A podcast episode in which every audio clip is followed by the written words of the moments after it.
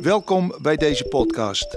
Mijn naam is Hans van Breukelen en samen met Benno Diedriks en Bas Kodde brengen wij op 27 mei het boek uit met de titel Mentale innovatie zet het leven naar je hand.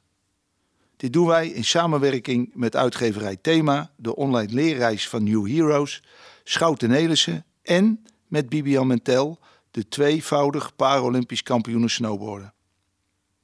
In de aanloop naar de lancering van ons boek zullen wij als warming-up met mensen in gesprek gaan die ondanks hevige teleurstellingen en bijzondere gebeurtenissen in hun leven toch de regie hebben weten te houden. Met vallen en opstaan. Iedere twee weken een andere hoofdpersoon die met ons zijn of haar belevenissen wil delen naar aanleiding van de vijf pijlers van mentale innovatie. Deze week ga ik in gesprek met Patrick Lodewijks, vriend en ex-collega. Patrick Lodewijks is keeperstrainer en voormalig doelman in het betaald voetbal. Hij speelde van 1987 tot en met 2007 voor PSV, FC Groningen en Feyenoord. En na zijn actieve carrière is hij keeperstrainer geworden voor datzelfde Feyenoord, daarna Everton en is thans keeperstrainer van het Nederlands elftal.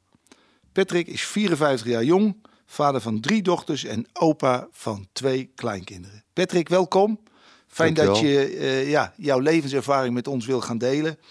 Uh, mag ik vragen, waarom ben je eigenlijk keeper geworden? Eerlijk, eerlijk gezegd weet ik niet of het geheel vrijwillig is gegaan. Aangezien mijn vader uh, ook een verdienstelijk uh, keeper was vroeger. Maar um, ik weet nog wel hoe het eigenlijk precies gegaan is van dat ik in een elftalletje zat wat, wat geen keeper had. En wij moesten om de beurt keepen. Het enige wat ik nog echt daadwerkelijk weet is dat op het moment dat ik in de goal ben uh, gaan staan, ben ik er ook nooit meer uitgegaan. Dus ik vond het ook uh, als een van de weinigen ook echt leuk om, om te doen. En ik denk dat mijn vader zijn rol daarin niet onbescheiden is geweest. Dat hij dat misschien stiekem ook nog wel leuk vond. dat hij zag dat zijn zoon in zijn voetsporen zou treden.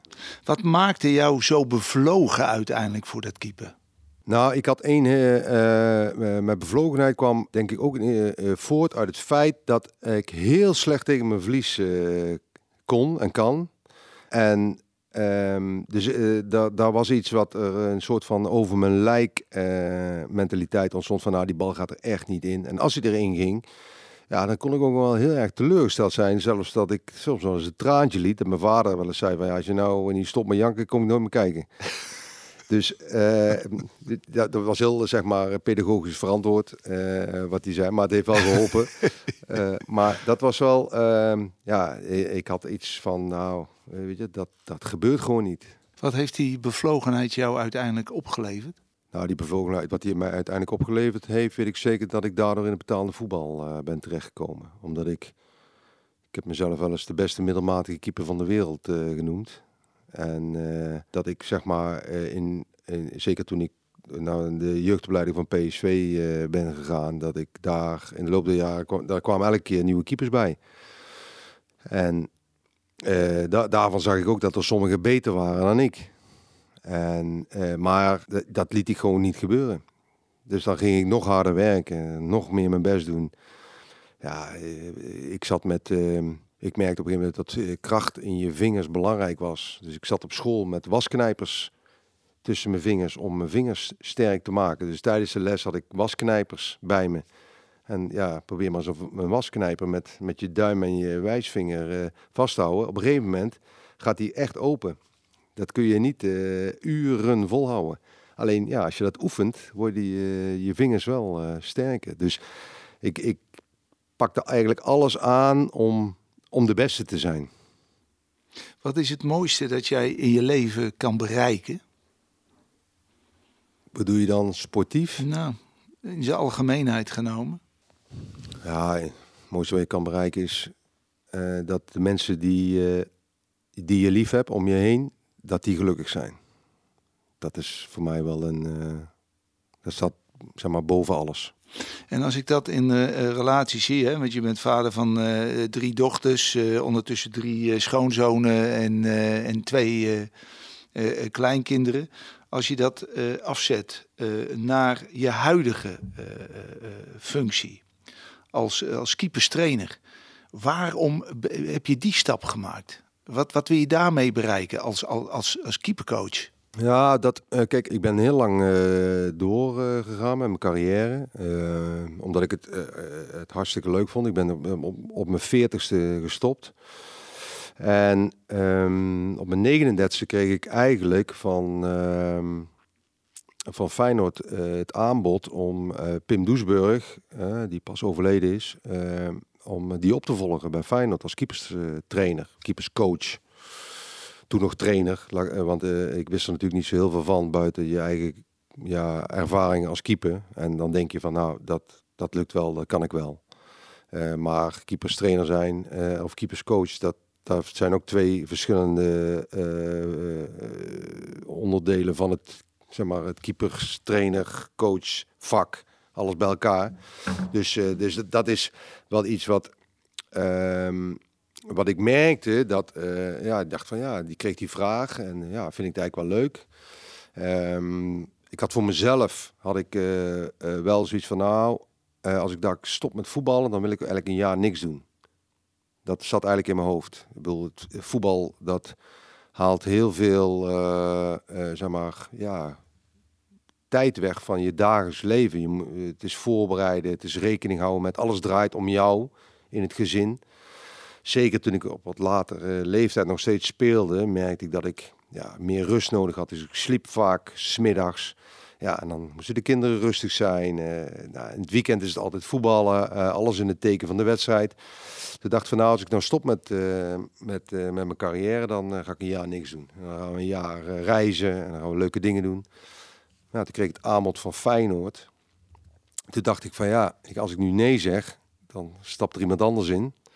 En dan, ja, dan uh, krijg je misschien pas of veel later de kans om bij een grotere club uh, te beginnen als trainer. Uh, want ik was inmiddels wel overtuigd dat ik eigenlijk denk, nou, dat is wel, denk ik wel wat voor mij.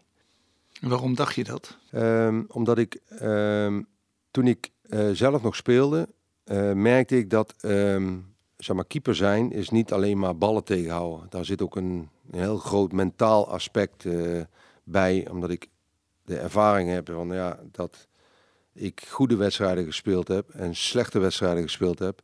Uh, wat losstaat uh, van jouw kwaliteiten. Dus iets is er in jou waarom jij een keer niet goed speelt. En uh, waarom gaat die bal er dan wel in? Terwijl als je je goed voelt, dan lijkt het heel simpel. Ik heb wedstrijden gespeeld en dat, volgens mij herken je dat ook. Waarin uh, ik dacht van, uh, als ze op 35 meter van de goal stonden, ik dacht van, oh, als ze nou maar niet schieten. En uh, ik heb wedstrijden gehad, ik dacht, dat stond op 6 meter, en dan dacht ik van, schiet maar, ik heb hem toch. Nou, en, maar dat heeft niks met jouw kwaliteiten van, op, op technisch vlak, dat, dat heeft met andere, hele andere dingen te maken. En dat vond ik wel boeiend. En um, uh, ik heb in, in, heel mijn carrière een heleboel uh, keeperstrainers meegemaakt. En daar merkte ik dat het vooral de nadruk lag op uh, het, het technische aspect. Ballen tegenhouden, positie kiezen, ehm, fit zijn. maar terwijl het keepersvak voor mij veel, veel meer was dan alleen maar dat. En, um, en ik vond het, het mensprincipe vond ik ook belangrijk. Uh, omdat ik dacht van ja, als je goed in hoe je vel je, zit. Hoe bedoel je dat? Nou, als je goed in je vel zit, dan speel je ook goed. Hmm. Dus, um, dus op het einde van mijn carrière had ik, merkte ik aan mezelf dat um, uh, ik had in het begin van mijn carrière had ik allerlei dingen die mij uh, moesten helpen uh, om, om goed te spelen. Uh, ik noem even wat, hè. eerst je rechter schoen aan en dan je linker. En dezelfde onderbroek. Ja, die was wel gewassen, maar... Uh, al die rituelen. Al die rituelen ja. die je nodig dacht te hebben om goed te kunnen spelen.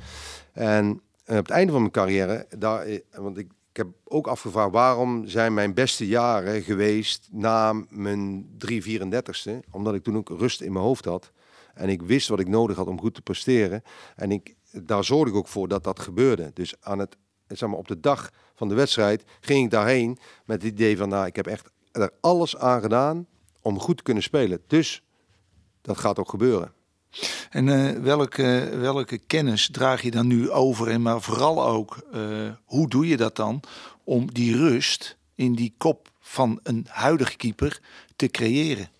Ja, dat is best wel een lastige. Uh, ik heb daar veel over uh, uh, gelezen, omdat ik op een andere manier ook keeperstrainer wilde zijn. want ja, iedereen kan ballen schieten, zeg ik dan maar. Maar het gaat er ook om van nou, hoe bereid je iemand voor op een wedstrijd. Nou, en dan ga je ook kijken naar wat, met, met wie heb ik te maken. En dan zie je dat de ene wil graag heel veel informatie en de ander niet. Nou, en zo vind ik dat je ermee om moet gaan. Want diegene die weinig informatie wil, moet je dus niet overladen. En dan niet denken van ja, maar zo doe ik het altijd. Dus ik doe het bij iedereen zo. Dus ik ben heel, uh, zeg maar, uh, uh, bij de, zeker toen in mijn periode bij Feyenoord, daar ben ik erachter gekomen van nou, ze zijn allemaal verschillend. Je hebt drie keepers of vier keepers, ze zijn allemaal verschillend. En, maar je wil allemaal het beste eruit halen wat erin zit. En hoe ga je dat dan doen? Ja, dan, dan ga je lezen over uh, uh, Hershey en Blanchett, over situationeel leiding geven. Dus bij de ene doe je dit, uh, die heeft een schop onder zijn kont nodig, om even simpel gezegd, de andere aai over zijn bol.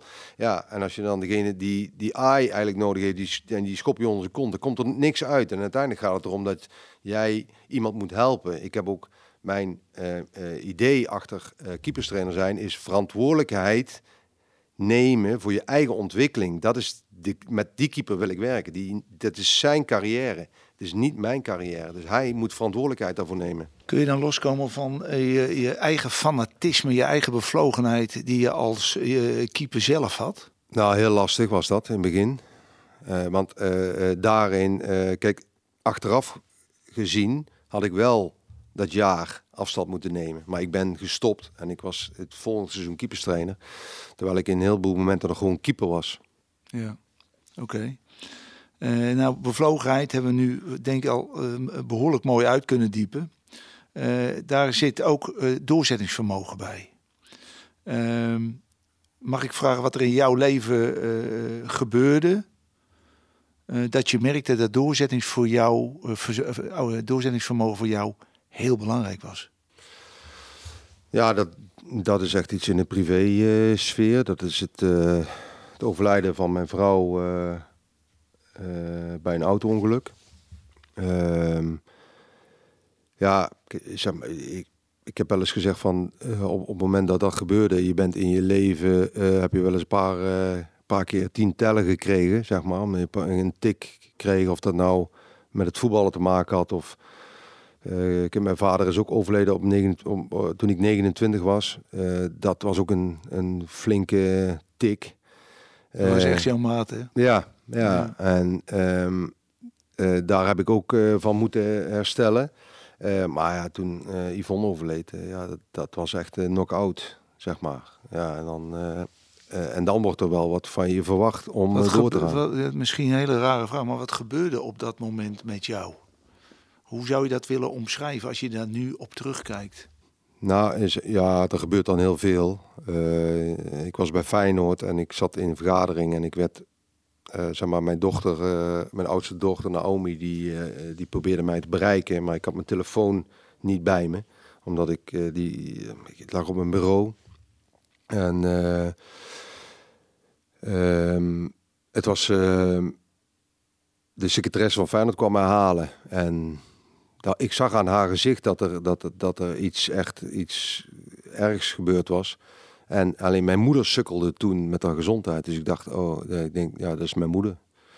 En, ja, nou, en vervolgens uh, krijg je je dochter aan de telefoon die vertelt dat, uh, dat Yvonne is overleden. Ja, dan zakt echt uh, ja, letterlijk de grond onder je vandaan. En ehm, het enige wat ik, wat ik toen wel dacht van mijn kinderen. Uh, dat, dat, was, uh, dat kwam heel snel uh, in mij op dat ik dacht van ik moet mijn kinderen zorgen dat die opgevangen worden. Dus um, nou, Naomi had haar vriend, nu haar man Joey al gebeld, dus die was oké. Mijn jongste de dochter zat in Maastricht op de universiteit.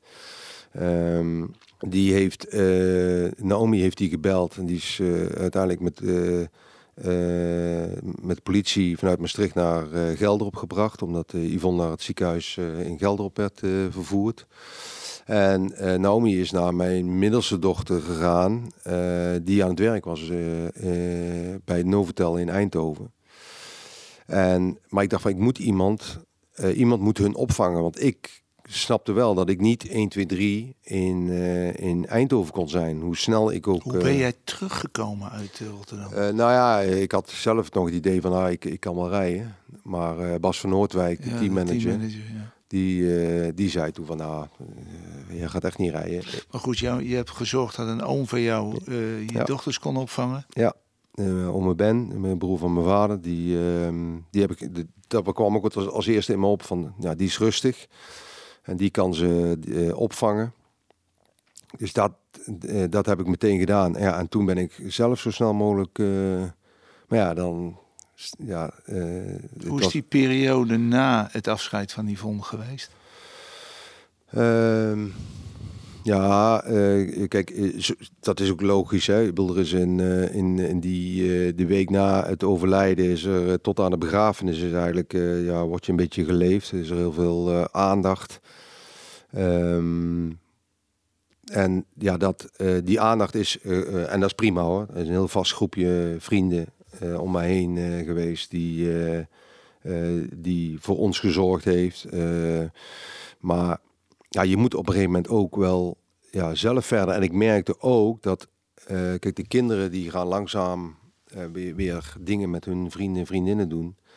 En die waren bezig, maar ja, dan is papa vanavond alleen. Dus dan waren hun weg en dan was ik alleen en dan ging de bel en stond er iemand voor de deur. En op een gegeven moment zei ik van ja, tegen die kinderen, meiden, jullie moeten mij ook gewoon een keer een avond alleen laten, want dat gaat wel vaker gebeuren. Je kunt me daar niet voor beschermen. Dus ik, zal, ik zal door moeten. En um, uh, als je nou achteraf kijkt, um, uh, zeg maar, hoe ik dat beleefd heb hoe ik gedaan heb, zou ik het anders doen. En, en daar bedoel ik mee is dat um, in, in de periode na het overlijden en na de begrafenis, dat je dat het zeg maar, dat je je leven weer vorm moet geven. Um, heb ik uh, heel erg uh, gedacht van, nou, ik ben de zilverrug.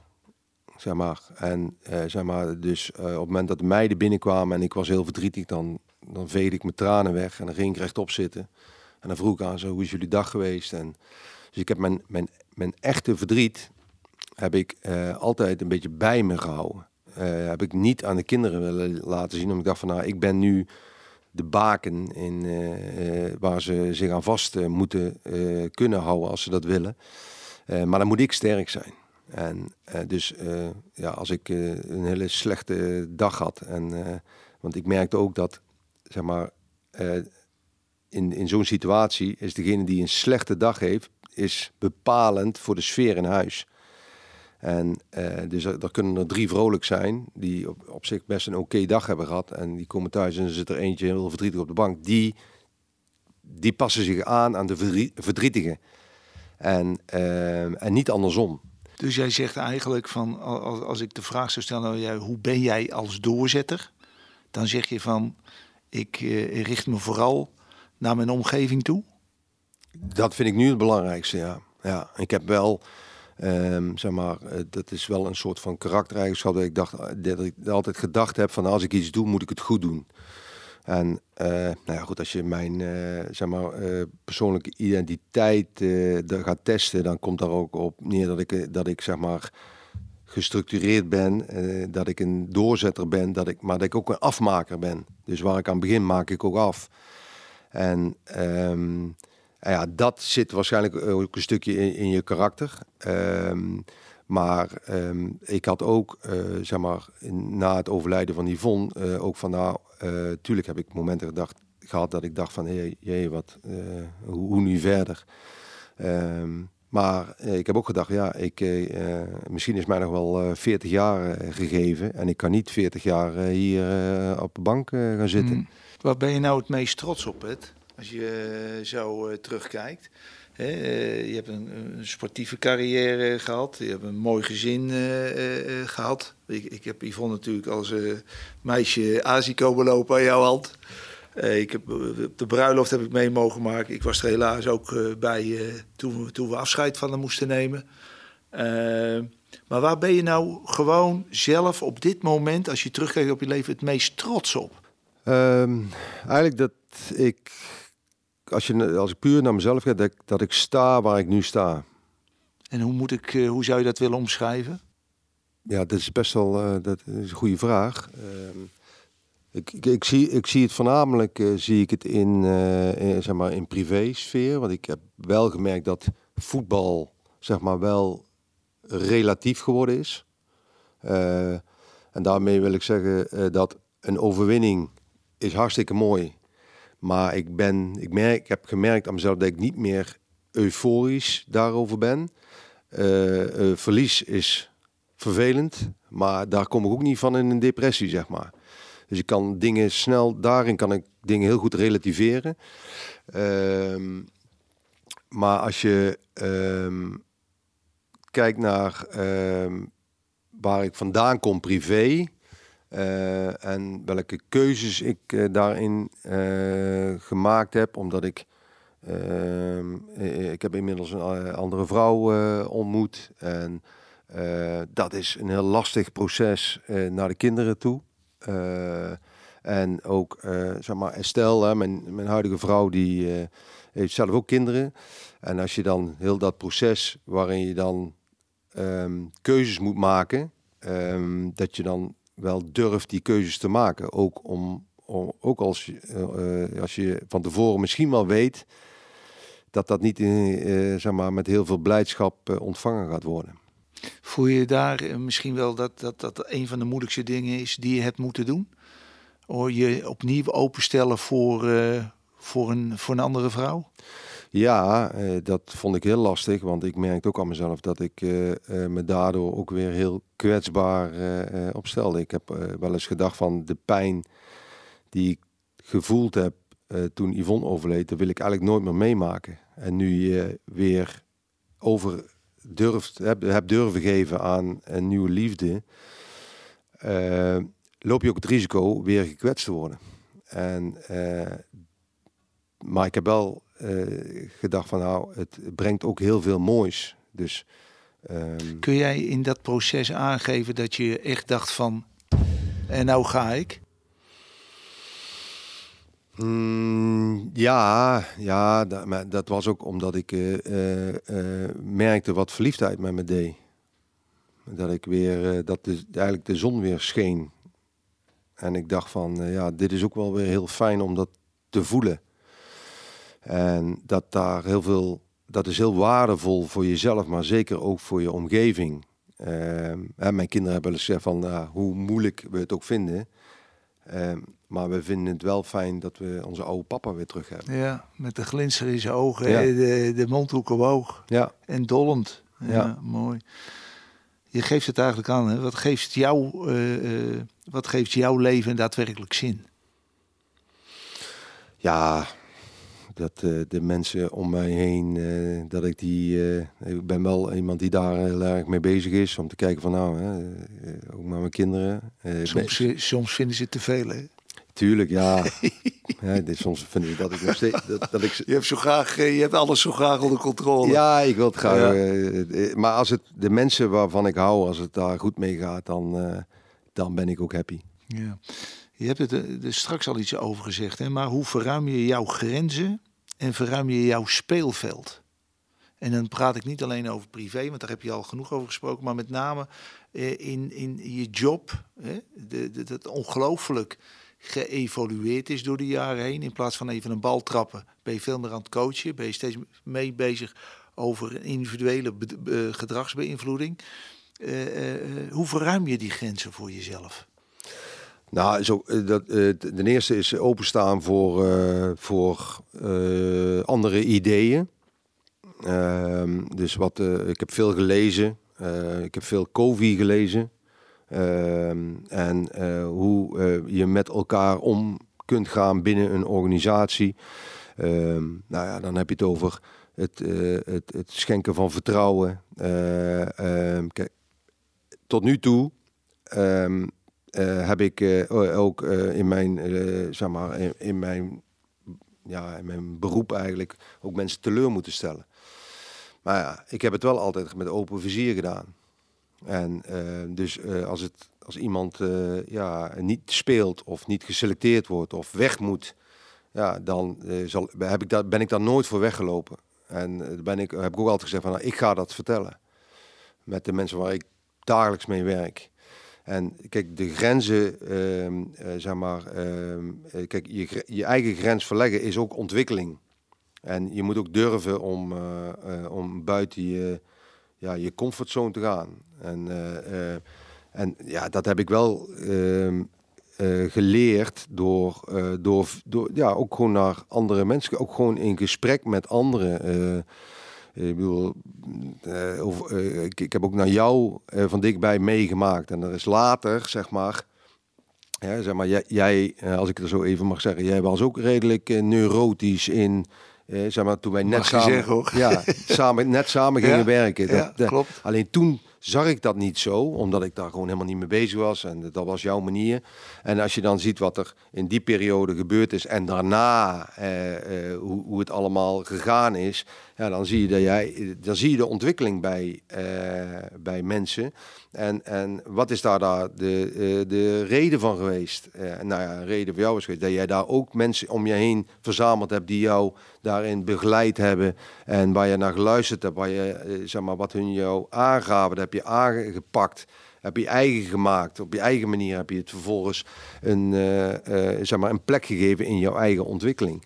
Nou, en, uh, en ik heb toen uh, gezien, uh, en bij, niet alleen bij jou, maar bij me meerdere collega's om mij heen, dat, er, dat je ook moet durven dat te doen. En um, ja, al ga je maar, weet ik veel, drie keer in de week bij iemand naartoe die zegt van je moet een half uur op je, op je kop gaan staan en je hebt, hebt daar baat bij. Wie ben ik dan om te zeggen van, nou, ben je niet goed bij je mm. pannenkoek? Ja. Dus, maar ik heb wel altijd dingen aangereikt naar uh, spelers toe, keepers toe, van nou, uh, met name gekeken van nou, hoe zitten hun daar zeg maar, in hun mentaal aspect in. Want nog, nog steeds ben ik ervan overtuigd dat iemand die de kwaliteit heeft om bij PSV, Feyenoord Ajax, Nederlands elftal uh, te keepen, um, dat die um, eigenlijk die kwaliteit altijd ten toon moeten kunnen spreiden. Maar er is iets waarom, wat ik dus straks ook zei, er is iets wat, wat hun blokkeert. En wat is dat dan?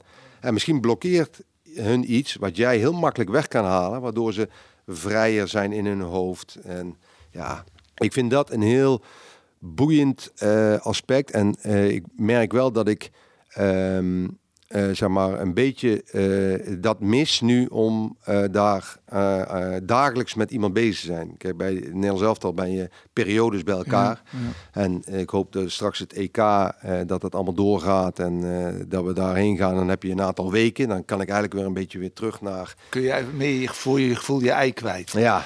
ja. Patrick, wat van jezelf wil je nooit kwijt? wat wil ik nooit kwijt is. Um, dat ik, ja, dat is, dat is best moeilijk. Er zijn wel een aantal dingen die, uh, als ik nou die in mijn, uh, wat ik nooit kwijt wil voor mezelf, is uh, dat ik moet vertrouwen op mijn gevoel. Want het is best een, een, een, goede kompas geweest ja.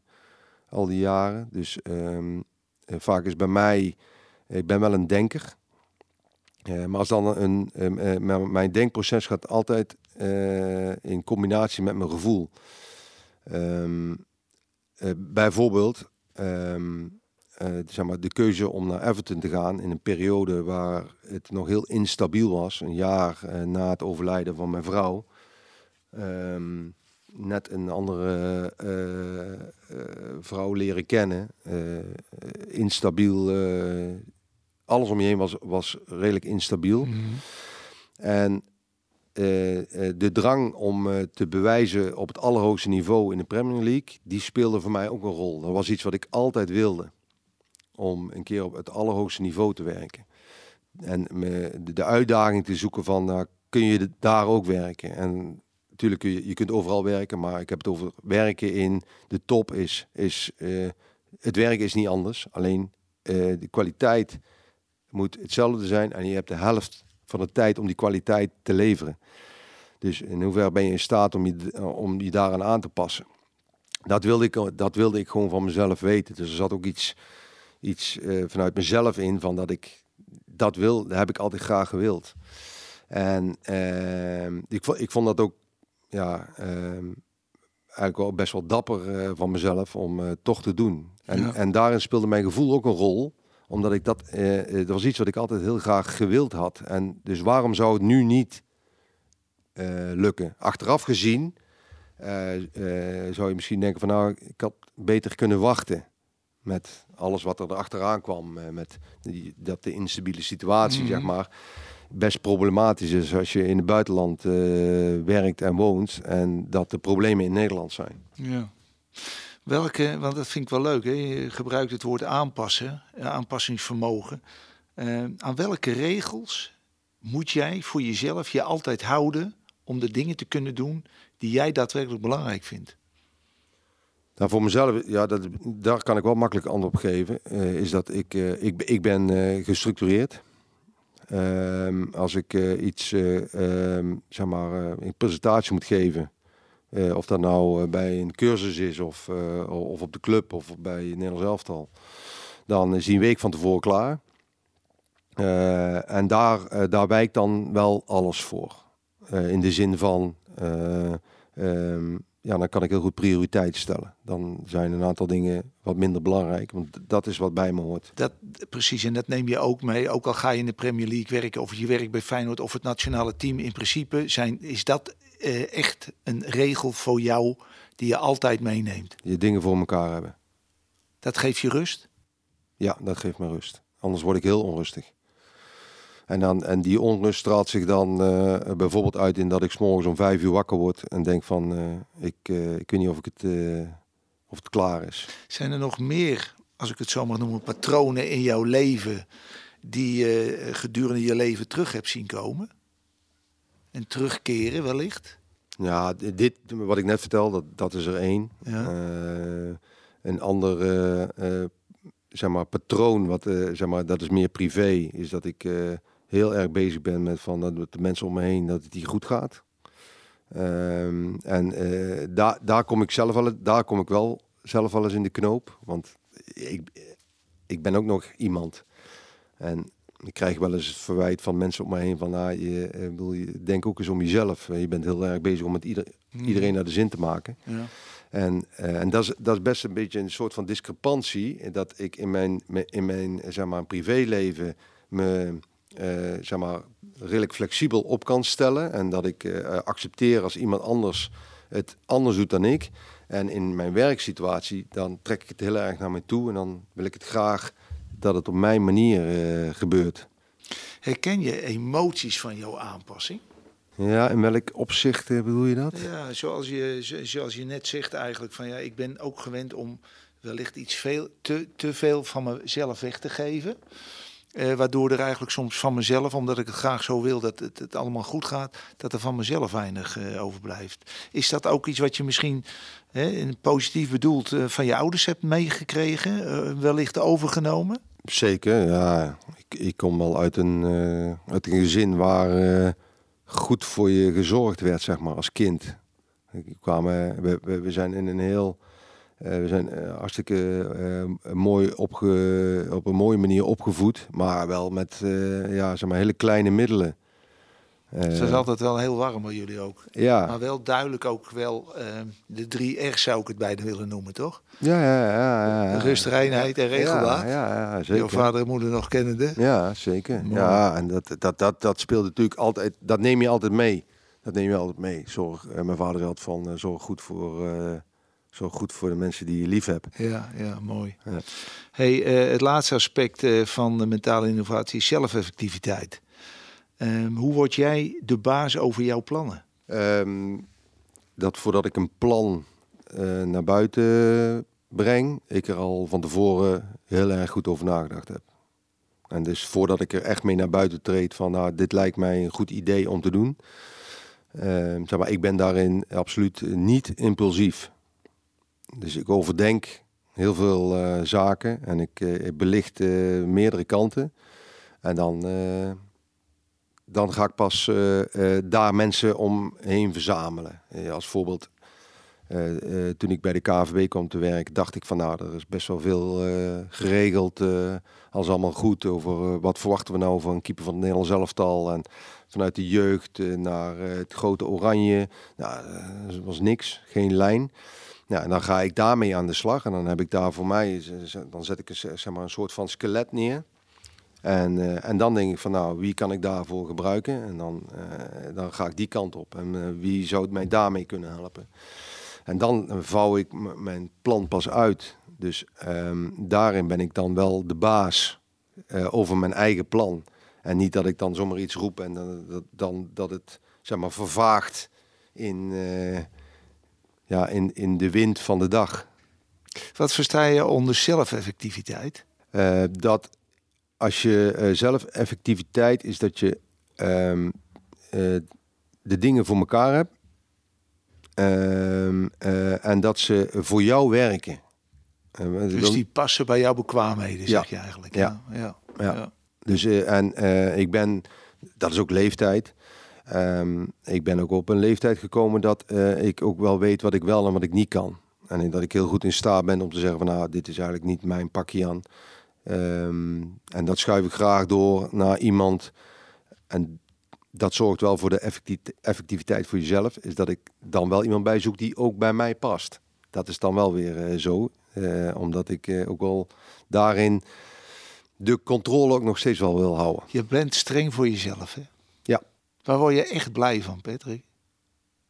Echt intens blij? Nou ja, dat is een eh, uurtje geleden eh, onder andere gebeurd is dat ik bij mijn uh, dochter binnenstap en, en mijn kleindochter die werd wakker.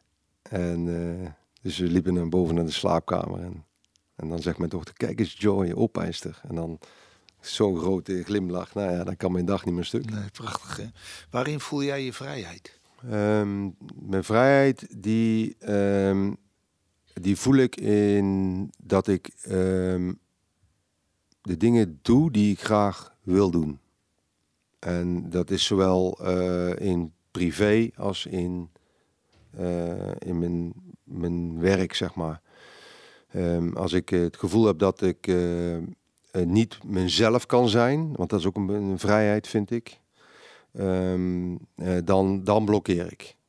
Dus ik moet wel, uh, zeg maar, als ik het gevoel heb dat ik de ruimte heb om dingen te kunnen doen voor een ander bijvoorbeeld, omdat mij dat gelukkig maakt, uh, dan is dat mijn persoonlijke vrijheid. En die vrijheid uh, kan voor iemand anders heel anders zijn. Hè, mensen zeggen wel eens tegen mij van, ja, let ook een beetje op jezelf. Ja, maar dat, dit is wie ik ben. Dus als, als, als ik dat Als je die doen, vrijheid niet krijgt, hè, ga je dan eh, vluchten? Ga je dan vechten? Ga je dingen vermijden? Hoe, hoe zit je er dan in? ja, dan ben ik een vechter, ja. Ja, ja, Ja, mooi. dan eh, ga ik eh, in de oorlogshouding. En, en dus de, de allerlaatste vraag wat mij betreft, Patrick. Als je nu terugkijkt op je leven en, en ook richting de toekomst. Waar heeft het leven jou voor uitgevonden? Nou, ja, eh, ik, ik vind dat het, ehm, dat het, het leven, eh, dat vind je niet uit. Ik vind dat je het leven, dat moet je zelf vormgeven. En dat doe je door allerlei dingen die bij jou passen. eh, om die, ehm, zeg maar, oh, ik wil graag iets nalaten.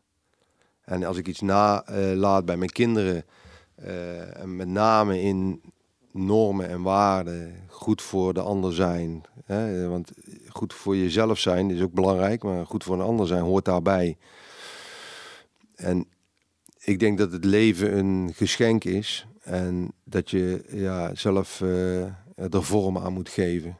Op de manier die heel erg bij jou past en in de loop van je leven je daarin aanpast, waarvan je merkt dat eh, dat, dat je gelukkig maakt. Ik wil jou eh, ontzettend bedanken voor het verhaal dat je met ons eh, gedeeld hebt. Waarin de vijf pijlers van mentale innovatie te sprake gekomen zijn. Namelijk bevlogenheid, doorzettingsvermogen, in beweging komen, een urgentie die daarvoor eh, bij je aanwezig was. Aanpassingsvermogen en eh, zelfeffectiviteit. Ik hoop van harte dat het vooral onze luisteraars enorm geïnspireerd heeft. Ik zou willen zeggen, blijf gezond, geniet van het leven en graag tot de volgende keer. Graag gedaan. 12 mei is er een workshop over omgaan met verandering. Ben jij door deze podcast geïnspireerd of geïnteresseerd? Ga dan naar www.newheroes.com/nl/trainingen en meld je aan.